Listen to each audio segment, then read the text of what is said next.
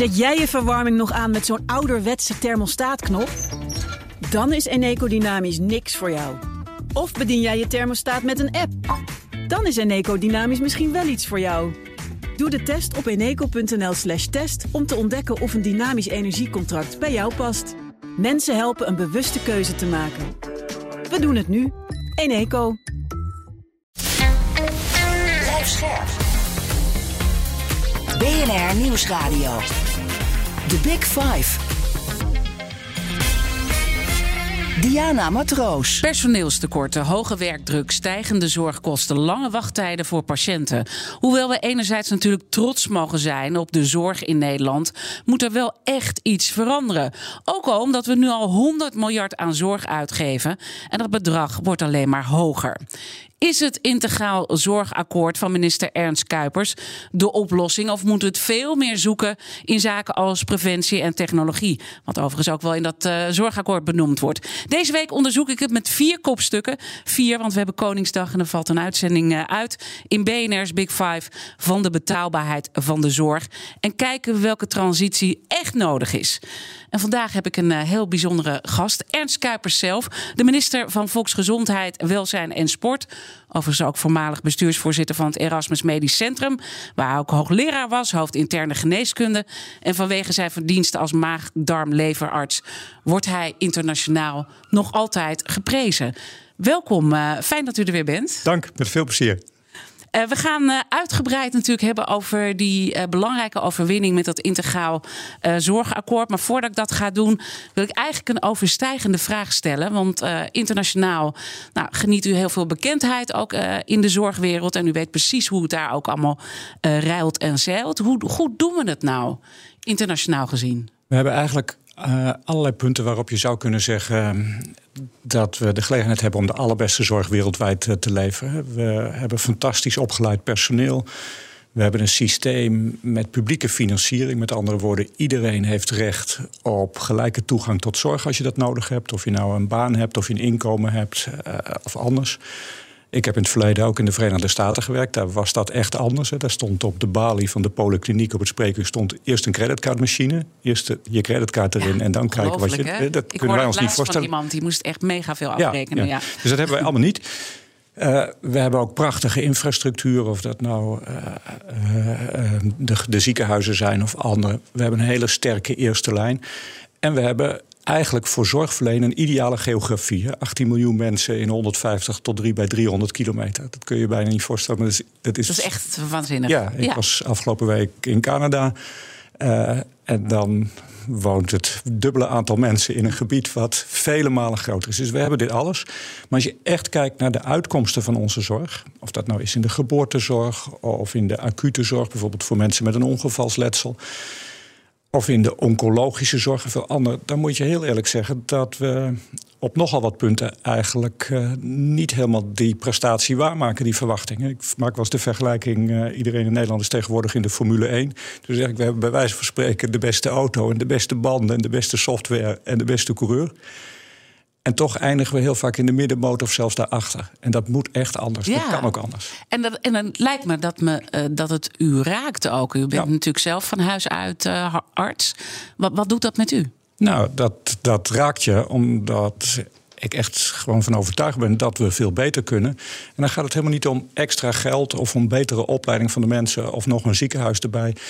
Maar dan gaat het allereerst om het omdraaien van het concept wat wij heel erg lang gehad hebben. En de, de basisgedachte in Nederland was: als je iedereen maar elke dag met elkaar in competitie laat gaan, levert dat uiteindelijk een patiënt de beste kwaliteit en de beste toegankelijkheid op. En we moeten constateren dat dat zeker in het huidige tijdschrift gewoon niet meer goed werkt. Samenwerking moet veel meer de norm zijn in plaats van competitie uh, tegen elkaar in. Ja, en dat is het tweede eigenlijk wat ik uh, aan u wil vragen. Want uiteindelijk ja, houdt het ministerschap ook uh, ooit weer een keertje op. Zeker. Misschien nog wel gelukkig of niet? Nee hoor, ik doe het met veel plezier. Okay. Ja. Um, wat is dan de legacy die u zou willen achterlaten? De legacy is dat we de gedachte die we altijd gehad hebben We hebben in Nederland ongeveer 45.000 zorgaanbieders. Van een eenmanspraktijk in de eerste lijn tot het grootste ziekenhuis en alles daartussenin. En dat die 45.000 uh, continu met elkaar in competitie moeten zijn. Dus ook hun eigen gegevens moeten hebben, niet met elkaar delen. En de legacy moet zijn dat het echt een samenwerking is tussen alle domeinen van de zorg in een regio. En dat we daar ook voor gefaciliteerd hebben dat bijvoorbeeld de gegevens van een patiënt, als een patiënt daar toestemming voor heeft, ook gewoon automatisch gedeeld kunnen worden. Dus samenwerking in plaats van competitie. En, en dat is dus eigenlijk ook uh, waarvan u zegt we zakken echt naar beneden als het Ja. gaat om de kwaliteit van onze zorg. En Ja.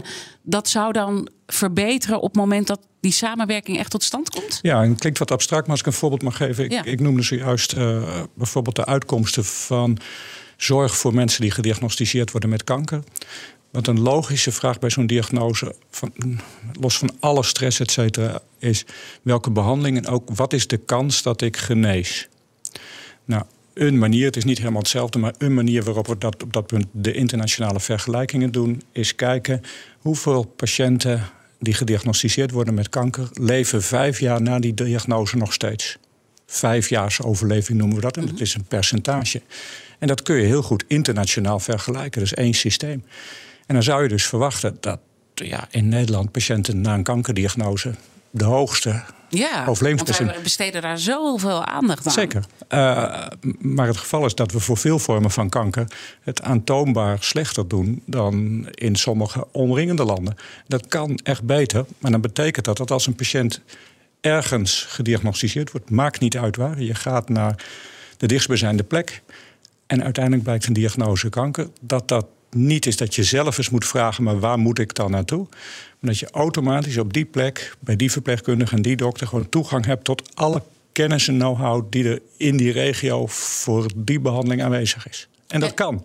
En u spreekt artsen daar ook op aan. Hè? Een symposium met oncologen heeft u dit ook eh, gezegd. Van denk nou niet dat we achterover kunnen leunen. Zo goed zijn we niet meer eh, in Nederland. Hoe wordt er dan gereageerd door artsen als dat gezegd wordt? Um, als je daar echt het de, de, het debat even over hebt. Kijk, er is geen enkele arts of verpleegkundige die 's ochtends naar het werk gaat en denkt: ik ga vandaag maar eens uh, middelmatig werk afleveren. Nee. Uh, Iedereen wil, je hebt de eet afgelegd ook, je wil gewoon mensen ja, redden. En, ja. en mensen zijn begaan met hun patiënt, je wil het allerbeste. De vraag is alleen wel, ja, als ik moet samenwerken met anderen, wordt dat ook gefaciliteerd? Is het een wederzijdse samenwerking? Maar op het moment dat je mensen echt die gelegenheid biedt en ook een comfort, maar zegt: start het op, je weet in je eigen vakgebied het allerbeste hoe dat moet, dan merk ik dat mensen daar wel degelijk op gaan acteren. En ook een enthousiasme voor elkaar. Ja, maar het is wel moeilijk, zeg maar, de aanloop. Hè? Het, het was natuurlijk hartstikke spannend. En, en, nu komt er een, een lach ook op het gezicht en die horen we ook. Uh, wat, ja, wat is moeilijk is, hoeft toch niet ja. te zeggen dat het niet moet doen. Uh, nee, zeker niet. Nou, kijk... Um, dit, dit, dit, wat ik nu vertel, dat vertelde ik in vroeger in het verleden als arts en later als zorgbestuurder ook al. Mm -hmm. um, en ik denk dat dat ook echt gerealiseerd kan worden op alle manieren. En dan helpt het ook dat je zelf uit de zorg komt, hè, dat je dat van binnen en van buiten kent. Uh, maar ik vond het echt wel een opdracht om te zeggen: hoe kunnen we nou voor patiënten, voor Nederlandse patiënten, veel beter de garantie geven dat je altijd overal gewoon een betere kwaliteit krijgt? Mm -hmm. En dat kan. Ja. Uh, en dat hoeft helemaal het belang van de dokter of van de ziekenhuisbestuurder of de huisarts niet in de weg te zitten. Sterker zelfs, het is in hun eigen directe belang. Ja, dat, dat is uiteindelijk ook wat de huisartsen hebben ingezien. Hè? Want dat was natuurlijk hartstikke spannend om die uh, mee te krijgen. De Landelijke Huisartsenvereniging. Nou, die hebben dan wel wat meer tarief gekregen, ook uh, voor de avonduren. Zeker. Maar ja. u zegt ook van het is een, een, een voordeel ook voor die huisarts. Want die krijgt meer tijd met de patiënt om het gesprek goed te voeren. En ook echt te achterhalen wat is er nou echt aan de hand? Ja, nou, dat is wat ze zelf ook in die, in die gesprekken bij het tot stand komen van het integrale zorgakkoord aangaven. Het ging eigenlijk over een beter vergoedingentarief voor avond, nacht en weekenddiensten. Dat was één aspect. En een ander belangrijk aspect was het ook mogelijk maken dat ze meer tijd hebben voor het gesprek met de individuele patiënt. Uh, en op het moment dat daar een akkoord over was. Uh, met het ministerie, met de zorgverzekeraars, met de zorgautoriteit, de huisartsen. Hebben de huisartsen uh, gezegd: Nou, maar nu willen wij eigenlijk eerst nog wel even zien of het in de praktijk ook echt gaat werken. Want we hebben wel eens vaker afspraken gemaakt die vervolgens toch niet uh, gingen gebeuren. ik begreep dat wel. Ehm, ik ben heel blij dat ze. allereerst dank voor en de huisartsen en de verzekeraars die dit in de praktijk gewoon mogelijk maken. ik ben ontzettend blij dat de huisartsen daarna dat zorgakkoord wel getekend hebben. Want dat gaf ook de mogelijkheid dat ze gewoon aan tafel ook in het verdere gesprek volop de discussie ja, wat, wat, deed u toen die handtekening ook gezet was? Nou, met uh, veel plezier. Even, even, een, even een taart uh, uh, natuurlijk. Even een feestmoment. Het is heel goed, het is belangrijk. The Big Five. Diana Matroos. Mijn gast in BNR's Big Five van de betaalbaarheid van de zorg is vandaag minister Ernst Kuipers van Volksgezondheid. We moeten veranderen, uh, dat weten we, want het, is, het systeem is niet meer houdbaar. En dat heeft ook met de betaalbaarheid uh, te maken. Straks uh, moet u wegvliegen hier naar de ministerraad. Ja. want dan wordt over de voorjaarsnota gesproken. Met hoeveel knarsetanden zitten uw collega's naar u te kijken met die 100 miljard die u rondpompt in de begroting? Ja, ik geloof niet dat de collega's knarsen al naar mij zitten kijken voor die 100 miljard. Ja, het klopt. We geven uh, gewoon veel geld uit aan zorg. En laten we wel weten, dat doen we ook voor een goede reden. Mm goede goede uh, gezondheidszorg en toegang tot zorg is een heel belangrijk publiek goed. dus ik ben heel blij dat we dat op deze manier doen de discussie is natuurlijk wel dat als er wat uh, moet gebeuren, ja, dan wordt er ook wel naar VWS gekeken van wat kan heel dan? veel geld, ja. Ja, nou ja, kijk, eerlijk gezegd, en dat was ook een discussie uh, met uh, het bij tot stand komen van het integrale zorgakkoord. Ja. Als je kijkt waar nu de allergrootste uitdagingen zijn, ik zeg heel, klinkt heel gek wat ik nu ga zeggen als een minister, maar de allereerste uitdaging was gewoon voldoende personeel en daarmee toegankelijkheid en kwaliteit en niet het geld. En dat was ook de basis om het anders te doen. En niet meer een primair financieel gedreven akkoord te maken met bijvoorbeeld alleen de ziekenhuizen of alleen de huisartsen, maar om het integraal akkoord waar niet de financiën voorop stonden, maar de inhoud. Uh, want eh, we hebben op dit moment gewoon de mensen niet om nog op dezelfde manier door te gaan. Ja. En dat betekent dat je gewoon echt na moet denken over andere vormen van zorgverlening. En uiteraard hoort daar ook de vraag bij over en wat betekent dat dan in termen van de betaalbaarheid. Ja, en, en dan uh, vraag ik me dan toch af wat u moet inleveren straks bij die ministerraad. Want ze gaan zeker ook naar uw portefeuille kijken. Ja, We ik, moeten. Ik, ik, ik snap ja, het. Ik een ronde dansen. Ja. Nee, ja, ja, nee, maar ik kan er gewoon niet op vooruit nee. Ik kan er niks over zeggen. Nee, maar het eigen risico daarvan, uh, ja, zie ik berichten van dat die wel veilig gesteld is. Ja, ik, ik, ja, ik, ik, kan er niks okay. over zeggen. Ja. Goed, dan gaan we daar geen tijd aan uh, verspillen, want dat is uh, zonde. Maar uh, ja, duidelijk is gewoon, je, je, moet natuurlijk wel echt iets doen aan die uh, betaalbaarheid. En ja. te zorgen dat het uh, uh, blijft draaien. Dan zegt u personeel. Nou ja, dat, dat is nog lang niet opgelost, volgens mij. Nee, nee. we hebben zijn in de afgelopen vele jaren niet alleen in Nederland over. Dit is echt iets wat je wereldwijd ziet. Maar we zijn in de afgelopen jaren in Nederland snel gestegen met het aantal mensen wat in de zorg werkt. Dat is goed nieuws. In de zin van daarmee kun je meer zorg verlenen aan meer patiënten. Tegen een achtergrond van vergrijzing, meer mensen die langer leven, maar ook met een chronische aandoening. Dus dat hebben we nodig. Maar daarmee zitten we nu op het niveau dat uh, één op de zes mensen met een baan werkt in de zorg. Eén op de zes. Dat is niet alleen als verpleegkundige of als arts, maar ook natuurlijk in heel veel andere functies. Uh, en het tempo waarin we de afgelopen jaren gegroeid zijn, als we dat volhouden, dan zitten we in 2030 op 1 op de 5 en ja. in 2040 op 1 op de 4. Nee. nee. ja, het, ja, dat kan gewoon niet. Ja. Eh, minister Jette is bezig met een uitgebreid plan voor ook een energietransitie en een klimaat. Uh, ook daar zijn heel veel mensen voor nodig. Nou, en zo het onderwijs zijn heel veel mensen nodig. Dus mijn insteek bij het begin was, toen ik begon vorig jaar, is laten we nou eens accepteren dat er een kans is dat het bij 1 op de 6 blijft. Misschien moeten we daar al zelfs heel erg ons best voor doen op de huidige arbeidsmarkt om te zorgen dat het bij 1 op de 6 blijft. Hoe gaan we dan de zorg anders vormgeven?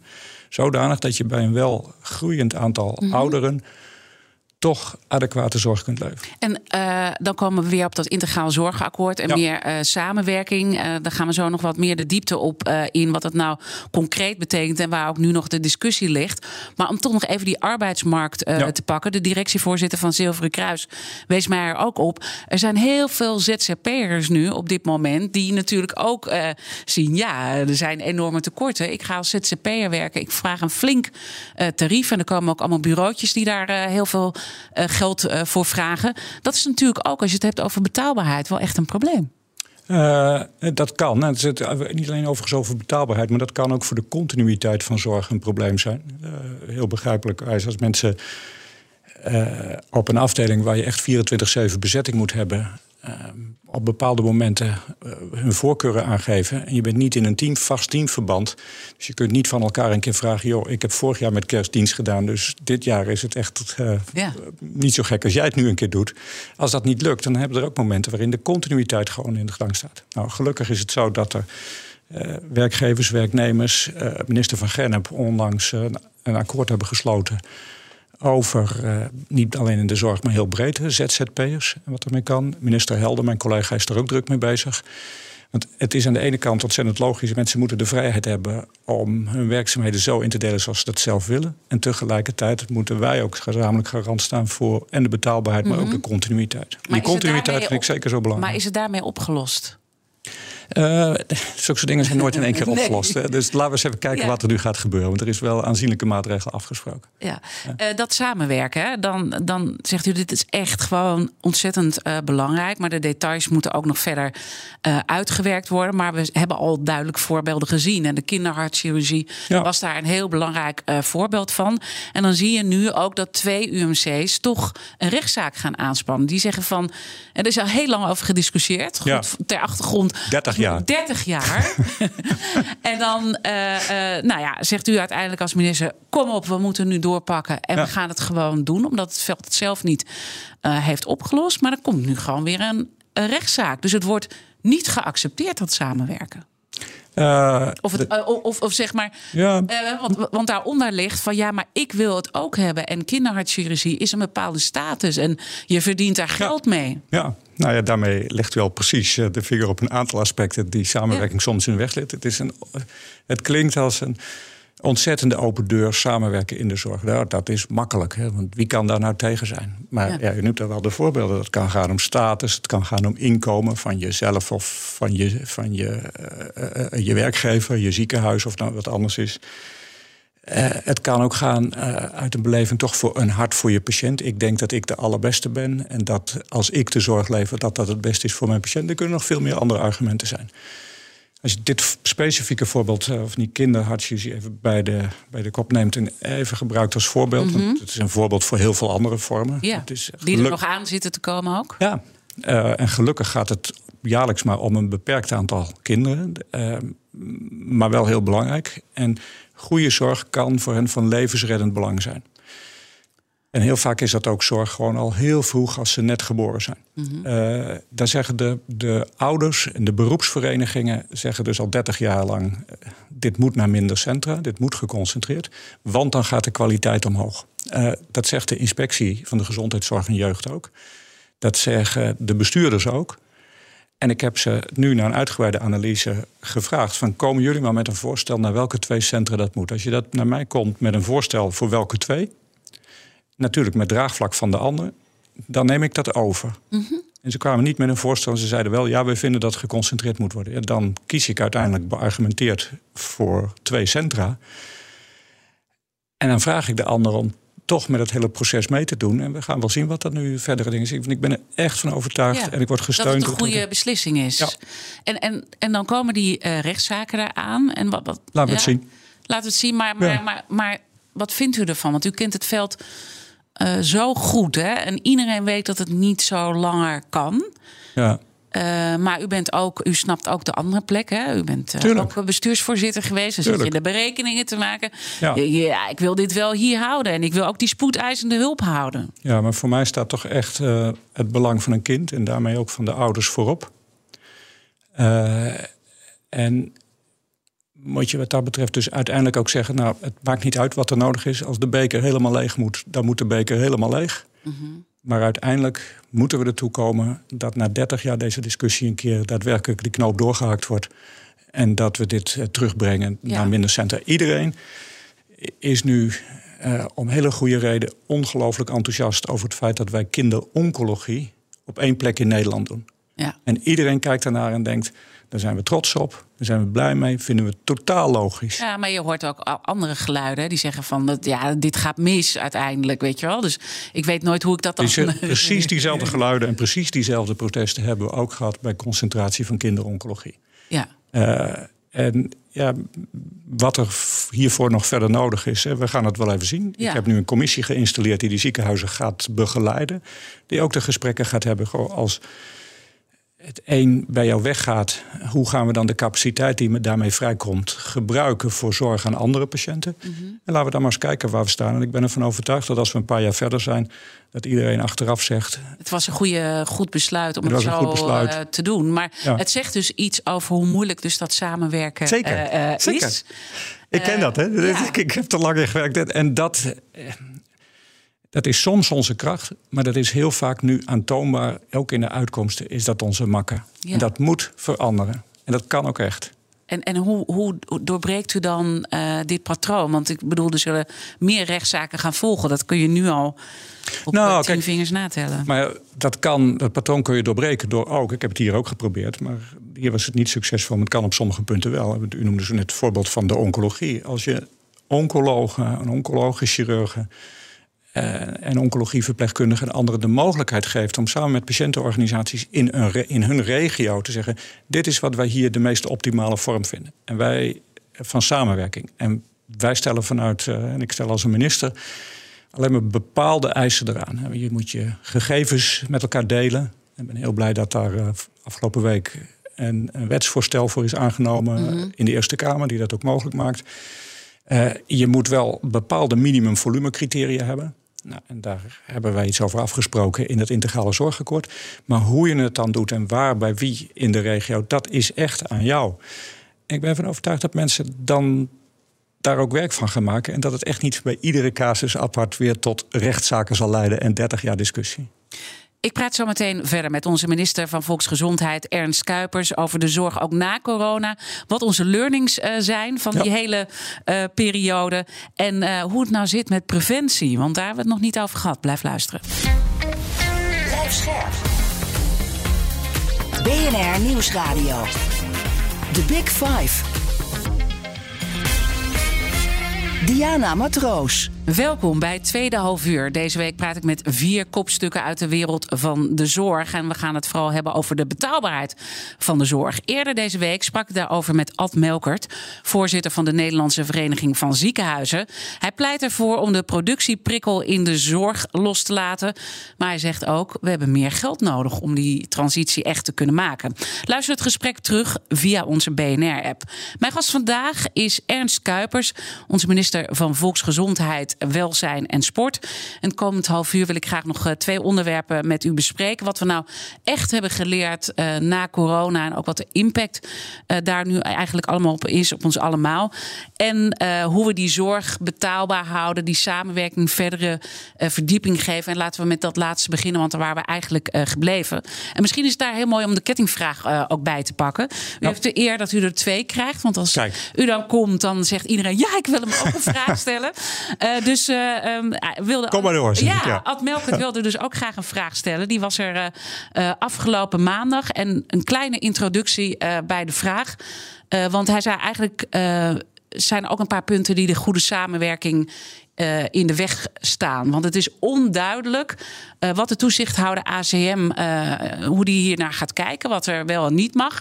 En daarom stelde Melk het voor om het integraal zorgakkoord de positieve kant op te duwen. Deze wet tijdelijk buiten werking te stellen met een moratorium. Luister maar, dit is de vraag. als de politiek ook echt ehm, aandacht heeft voor. ehm, ja, we moeten de, de zorg ook betaalbaar en toegankelijk eh, en solidair houden.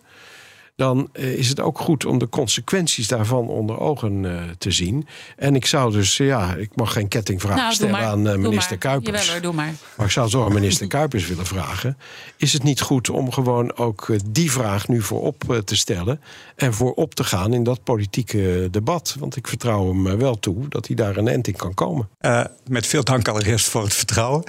Eh, en ja, dan moet je ook het gesprek voeren met onder andere bijvoorbeeld een autoriteit consumentenmarkt. En dat doe ik ook. Ehm, maar ook daarvoor geldt, en ook in dat gesprek merk ik, in die gesprekken, dat ook een ACM heel goed begrijpt dat als iets nodig is voor verbetering van kwaliteit.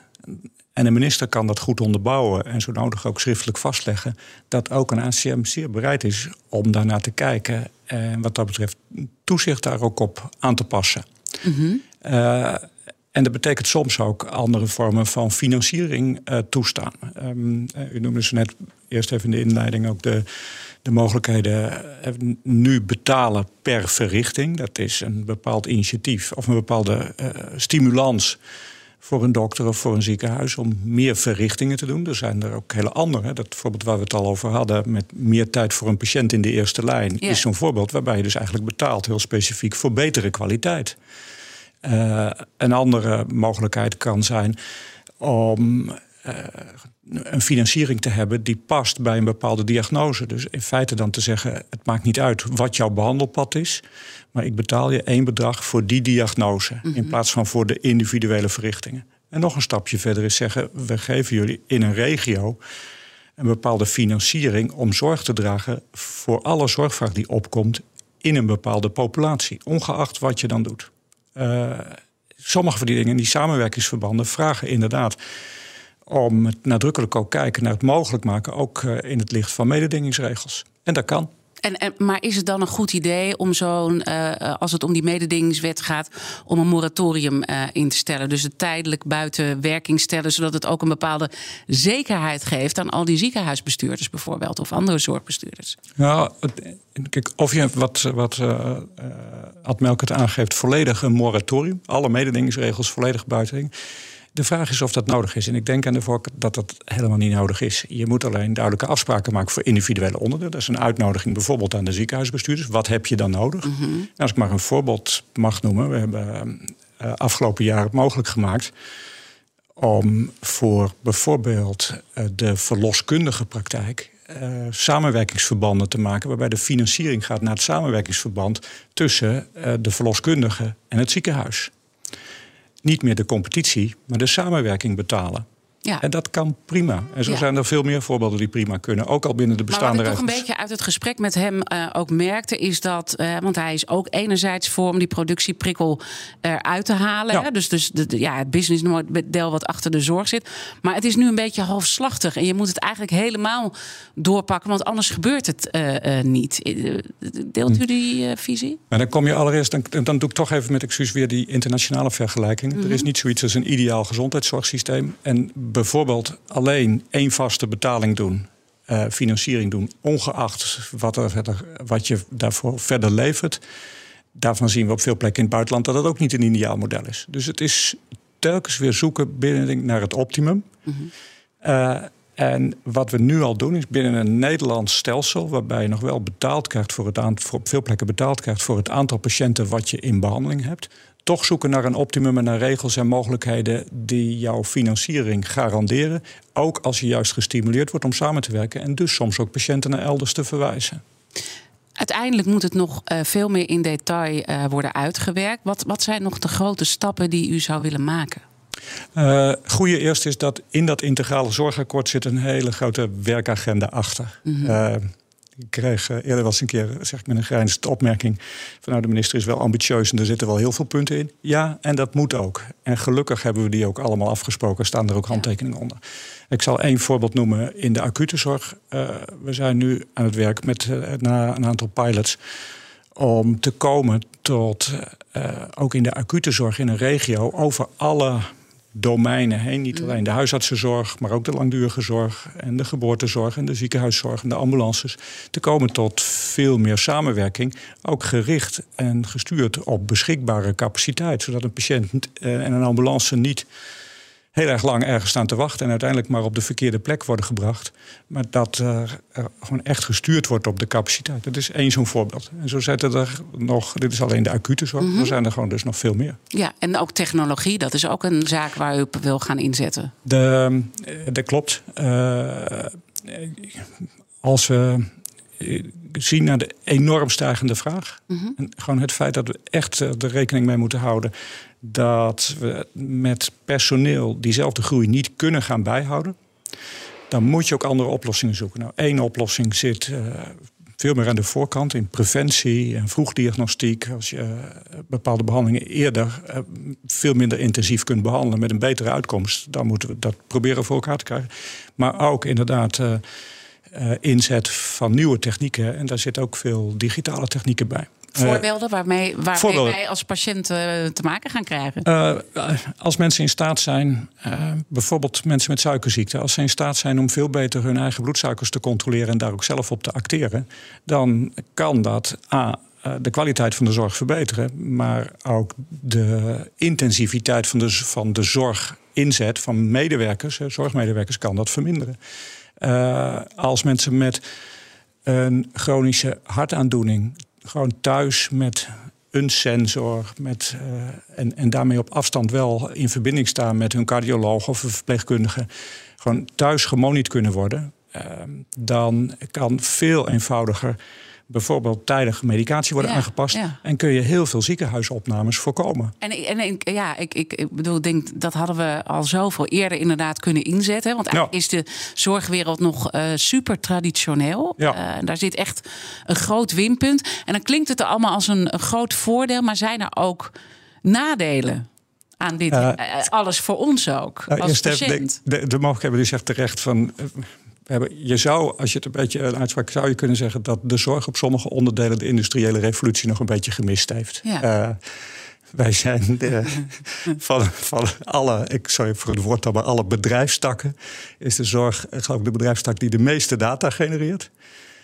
Maar we maken er heel weinig gebruik van. En als ik data zeg, dan realiseer ik me direct dat patiënten denken: ja, maar het zijn mijn gegevens. Nee, het gaat soms ook heel erg om volledig geanonimiseerd weg van de patiënt. Maar we maken gewoon geen gebruik van dit soort gegevens. Alle gegevens blijven enkel en alleen maar op een eigen plek. Dus we, we, we moeten nog veel meer doen. Allereerst om arbeidsinten de, de intensiviteit te Mhm. Maar dat verminderen. is wel de- elke keer de spanning hè, die erop zit, die privacy. Ja. Hè, dat, dat is wel ook de discussie die we met elkaar ook als maatschappij willen hebben. Van wat willen we nou? Hè? Want we willen allemaal die zorgkosten in de hand houden. We willen allemaal goede zorg krijgen, maar we willen ook eh, onze privacy beschermen. Daar zit Zeker. natuurlijk een spanningsveld. Zeker, en daar moet je dus continu alert op zijn. Maar als ik even een gekke vergelijking mag maken, wij vinden het volstrekt geaccepteerd dat als we eh, in de auto stappen, dat we overzicht willen hebben van waar staan de files. Ja. En eventueel weg. Ja. Maar ik zijn er nauwelijks van bewust dat voor het meten van een file je op een of andere manier gebruik maakt van gegevens. Of dat nou is een camera langs de weg, of het is een sensor en mobiele telefoons of wat anders. Maar dan, je maakt gebruik niet van het individu. Ik weet niet of Diana Matroos of Ernst Kuipers hier op de A12 stilstaat. Maar je, het feit dat er auto's stilstaan, wordt wel gemonitord. Dat dat auto's zijn van Ja. een individu. Maar je medische gegevens, dat voelt toch wel een beetje als erg privé. Weet je wel? Ik, ik heb liever dat ze weten waar ik zit op de snelweg dan eh, dat ze weten wat Ja, mijn hier- medische verhaal is. Maar hier zit dus twee, even dan de splitsing maken. Medische gegevens echt, eh, jouw of mijn gegevens. Dat zijn gegevens die ontzettend goed beveiligd moeten zijn, die ergens opgeslagen moeten worden en die alleen maar gedeeld kunnen worden En dat snap op het ik, moment dat je dat zelf wil. allemaal dat er, eh, ik bedoel, bij de GGD is op een gegeven moment een enorm datalek Zeker. geweest. Het is gewoon, eh, er zijn altijd eh, groepen die daar weer eh, proberen van te profiteren. Dus daar moet je wel natuurlijk goed over nadenken. Dat moet je ook. Eh, en tegelijkertijd moet je ook, eh, moeten we ons ook realiseren. eh, En dat was ook de discussie die ik in de Eerste Kamer bijvoorbeeld had toen het ging over die wet elektronische gegevensuitwisseling. En een Kamerlid noemde daar het voorbeeld waarbij zij zei: Ik was onlangs met mijn echtgenoot op de spoedeisende hulp. En, en haar echtgenoot, zij gaf het voorbeeld en zei: Die gebruikt medicijnen, die heeft een bepaalde aandoening. En ik kom op de eerste hulp en er is helemaal niets. En men weet niet welke medicijnen gebruikt wordt. Men weet niet van de voorgeschiedenis, van de eerdere diagnose, niet van allergieën, niets. En dat is gewoon ronduit gevaarlijk. BNR Nieuwsradio. The Big Five. Diana Matroos. Je luistert naar BNR's Big Five van de betaalbaarheid van de zorg. Eerder deze week sprak ik daarover met uh, Ad Melkert. Die hoorde je net al, voorzitter van de Nederlandse Vereniging van Ziekenhuizen. Maar ook met Georgette Fijneman. Zij is directievoorzitter van de zorgverzekeraar Zilveren Kruis. De grootste zorgverzekeraar van ons land. En ook de vicevoorzitter van Zorgverzekeraars Nederland. Mijn gast vandaag is Ernst Kuipers, minister van Volksgezondheid, Welzijn en Sport. En uh, dit is de tweede uh, kettingvraag van Georgette Fijneman. Luister maar die maatschappelijke dialoog. Hè? Van goh, maar hebben we nou met z'n allen recht op alles wat we maar willen? Moeten we niet met elkaar veel meer kijken of dingen niet in de zorg opgelost moeten worden, maar anderszins? Hè? Die preventiekant ook. Moeten we niet meer gaan bewegen? Uh, dat soort dingen. Dus mijn vraag aan minister Kuipers uh, zou, zou zijn. Hoe gaat hij vanuit zijn positie nou zorgen dat dat, dat in Nederland eigenlijk normaal wordt om dat gesprek ook met elkaar te voeren. En we horen natuurlijk vaak onze minister over echte zorginhoudelijke dingen, hè, over inderdaad de kinderhartchirurgie, hoogcomplexe zorg. Maar deze maatschappelijke beweging, wat gaat de minister daaraan doen om dat voor elkaar te krijgen? Ja, dat is een goede inschatting van uh, Josette, want uh, we hebben inderdaad veel over zorginhoudelijke ja. zaken gesproken. Ja, ja. klopt. Uh, maar deze is tenminste zo belangrijk. en laat ik daar aan de voorkant zetten, daar is ook mijn collega's en in het bijzonder Maarten van Ooyen, de staatssecretaris, is met de preventiekant heel erg bezig. Um, en heeft ook daar, we hebben het over dat integrale zorgakkoord. Hij heeft op dit terrein een akkoord met veel partners gesloten. Uh, want de terechte vraag is: kan alles? Nou, ik gaf al aan dat uh, de zorg die we nu doen heel erg arbeidsintensief is. Mm. We hebben in de afgelopen vele, vele jaren, praat ik over tientallen jaren, hebben we in de zorg ook nog de neiging gehad om bij alle dingen het is radio, maar ik doe bijna een soort beweging van ik haak ja, allerlei dingen naar me toe. Heel veel dingen naar ons toe gehaald van oh, dat kunnen wij ook wel oplossen. Oh, daar weten wij wel wat van. En daar zijn ook veel dingen bij die eigenlijk primair helemaal niet op het terrein van de zorg zitten. Uh, maar bijvoorbeeld op het terrein van uh, onderwijs of op het terrein van gezonde leefomgeving of op het terrein van schulden of op het terrein van je werk en je werkzaamheden. En eh, we moeten dus veel meer terug naar echt het focussen voor de zorg. Van waar gaat de zorg echt over? Maar dat betekent ook, en dat was ook een onderdeel van Georgette's vraag. Um, met burgers wel het gesprek hebben. Um, je kunt zelf ook ontzettend veel dingen doen om langer en lang gezond te mhm. blijven. En ook, dat is niet alleen uh, gewoon gezond als je nog niks hebt, maar ook als je een aandoening hebt, zijn er vaak voor veel aandoeningen methoden om daar zelf ook heel veel aan te doen. Ja, en, en dus uh, oké, okay, we moeten zelf uh, meer regie pakken, maar het betekent ook, want dat hoor ik ook door de woorden heen uit de andere gesprekken, dat ook een dokter misschien soms tegen ons gaat zeggen een bepaalde behandeling gaan wij ook uh, niet meer doen. Want dat hoort er natuurlijk ook bij. Hè? Dat ja. zat in de vraag van Josette. We denken dat we overal recht uh, op hebben. En dat zit ook aan de patiëntkant. Ja, ja. en um, dat hoeft niet eens te zijn in het gesprek van... sorry, dit zou echt een hele goede behandeling voor u zijn... maar we doen het niet. Dat begint allereerst al met het gesprek dat voor heel veel behandelingen... Um, er momenten zijn waarbij je zegt, maar dit is op zich een prima behandeling. Alleen in uw specifieke geval denk ik dat iets anders veel meer passend is. En dan merk je dat als je dat gesprek hebt, dat patiënten daar zelf en, en hun familie daar wel degelijk hele goede gedachten over hebben. En als ik één voorbeeld mag noemen, uh, is in het verleden, uh, niet zo lang geleden in Nederland gekeken, ook in onderzoek naar -hmm. Patiënten in hun laatste levensfase die op een bepaald moment vallen en hun heup breken. Er is eigenlijk bij een gebroken heup, even los van de zetting, is er één benadering en dat is opereren. Maar wat de betreffende arts in deze eh, ook eerst in het onderzoek gedaan hebben, is met mensen het gesprek voeren. En zeggen: Wij kunnen u opereren. Nou, dit zijn de voordelen en dit zijn de nadelen. En wij kunnen ook een andere behandeling doen zonder operatie. En dan blijkt dat als je gewoon het gesprek hebt over de voor- en de nadelen, dat er een aanzienlijk deel van de patiënten was eh, die mm zei eh, in overleg met behandelaars en met de familie van nou doe mij die andere behandeling maar. Ja, dus moet, je moet echt dat uh, gesprek voeren en ook het verhaal achter het verhaal eigenlijk uh, naar boven zien te brengen.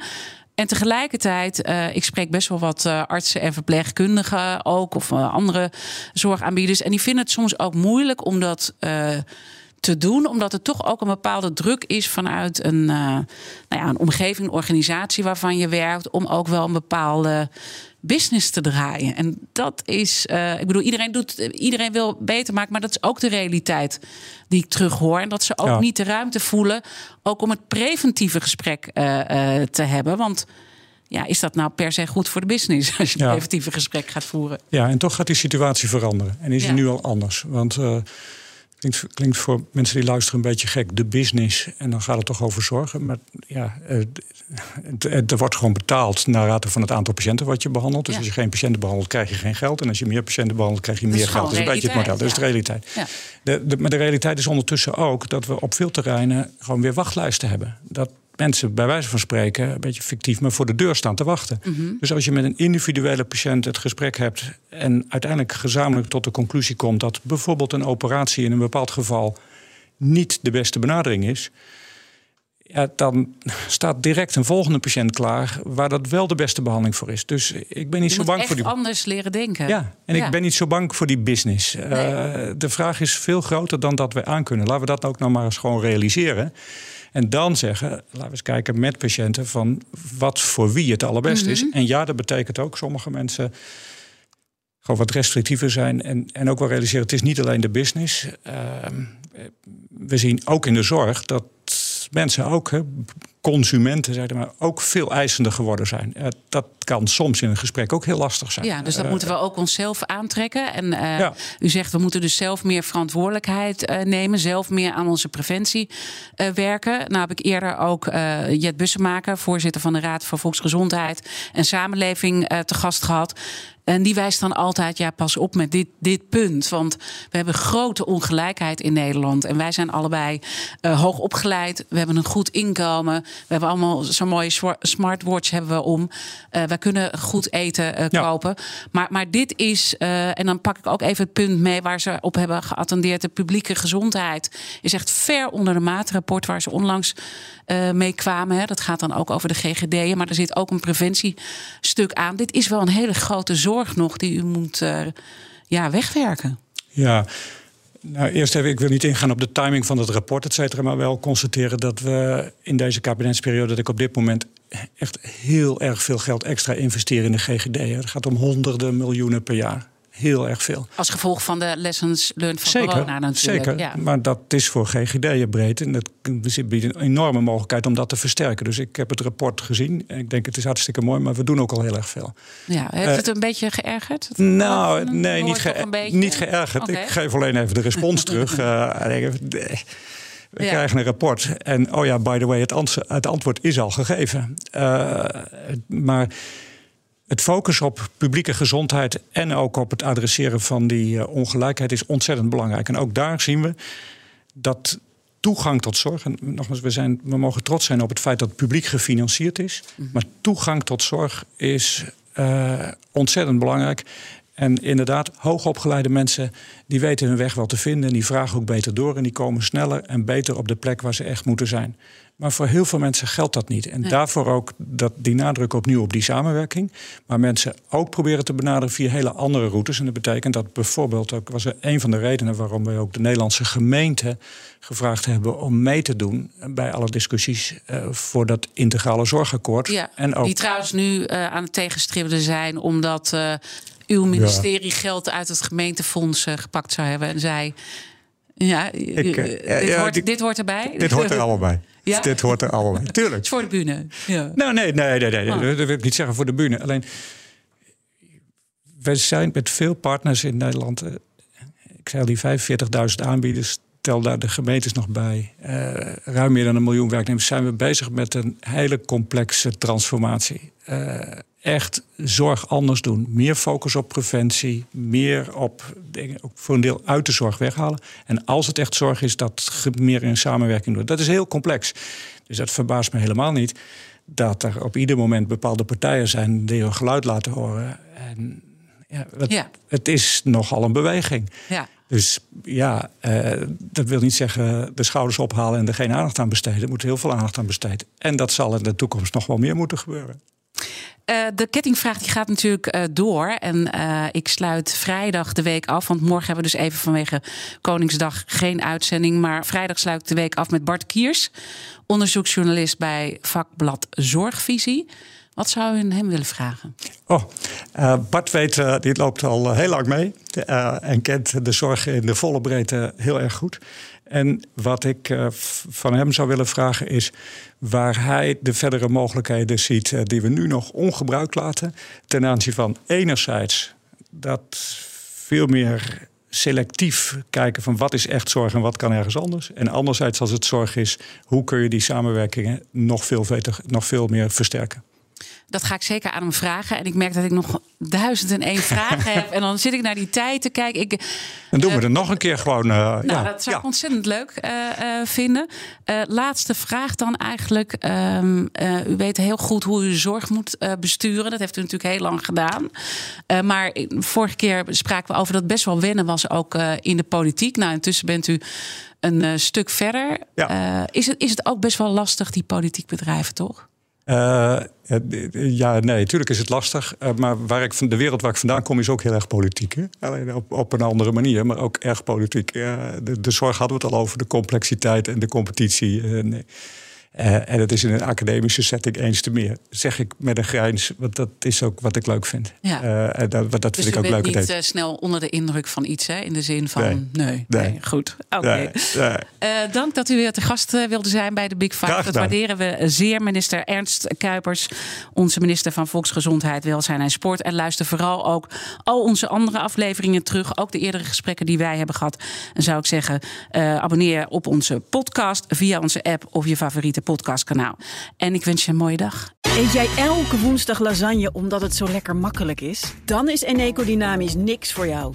Maar kook jij het liefst elke keer wat anders met het risico dat ze zeggen... Ja dag, dat gaan we echt niet eten. Dan is Eneco Dynamisch misschien wel iets voor jou. Doe de test op eneco.nl slash test om te ontdekken of een dynamisch energiecontract bij jou past. Mensen helpen een bewuste keuze te maken. We doen het nu. Eneco.